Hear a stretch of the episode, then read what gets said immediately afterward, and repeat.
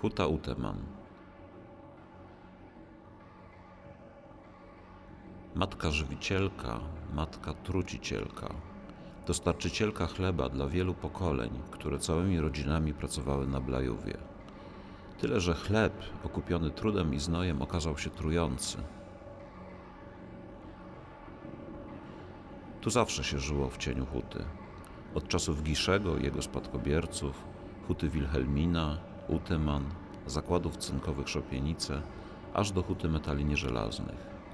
Ponad 150 lat rytm kominów wyznaczał rytm życia mieszkańcom Szopienic. Rozdzienia, Morawy, Szabelni, Wilhelminy, Targowiska, Burowca, Dąbrówki. Kuźnik oficyny żelaznej Walenty Rozdzieński, duchowy ojciec założyciel przemysłowego gwałtu zadanego tutejszej naturze, byłby zdumiony, gdyby zobaczył trzy wieki później postępy prac.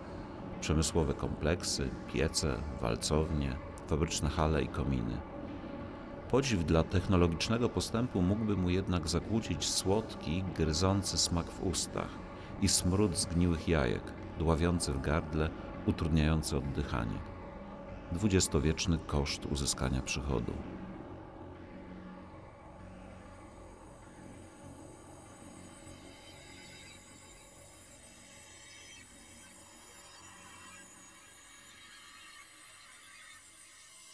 Huta od zarania swojego truła bowiem na potęgę.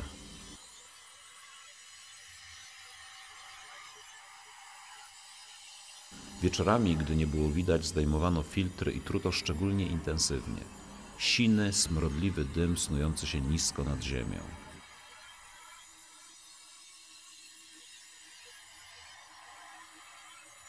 Przebogata gama gazów, pyłów i trucizn.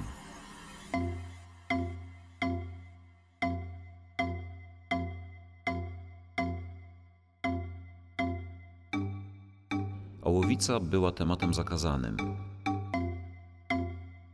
Obniżano normy, fałszowano wskaźniki, ledwie tolerowano ją na poziomie chorób zawodowych. Tymczasem od Czarnobyla szopienice różniły się tylko tym, że skażenie nie było wynikiem nieumyślnej katastrofy, a wielowiekowym, świadomym działaniem człowieka, goniącego lub będącego poganianym za fetyszem produkcji.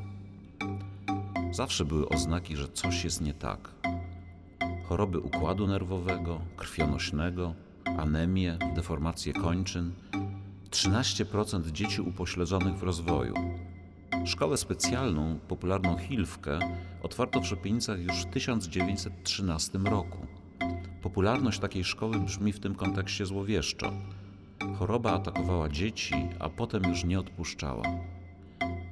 Wtedy, w latach 70., tylko jedna osoba odważyła się powiedzieć prawdę.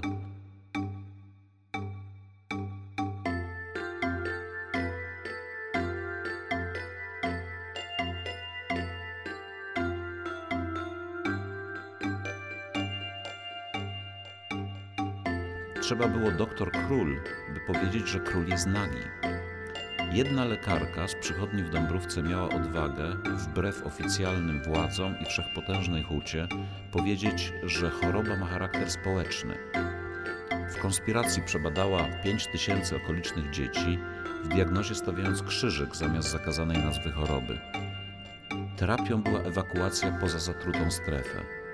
Były łzy i gorycz, nie chcę z domu, przecież nic mnie nie boli. Normy były wtedy obniżone. Tylko część dzieci podjęła kurację. Według dzisiejszych wskaźników zachorowaliśmy i jesteśmy chorzy wszyscy. Półkonspiracyjnie zaczęto przesiedlać ze skorzonych osiedli dalej, trochę dalej od huty.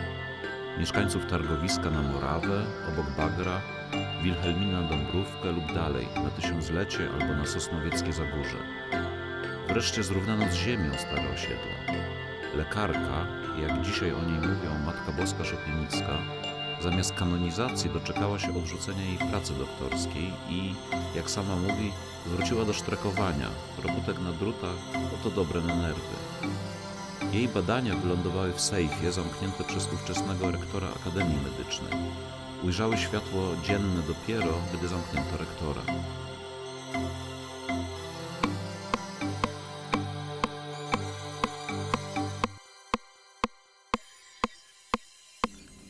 Po 30 latach bomba z opóźnionym zapłonem nadal tyka. Choroby układu immunologicznego, implanty stawów, depresja, dziedzictwo, które przeżyło hutę i atakuje z zaświatów, przenoszone w materiale genetycznym na następne pokolenia. Dzisiaj byli pracownicy mówią truła, ale dawała pracę. Można i tak.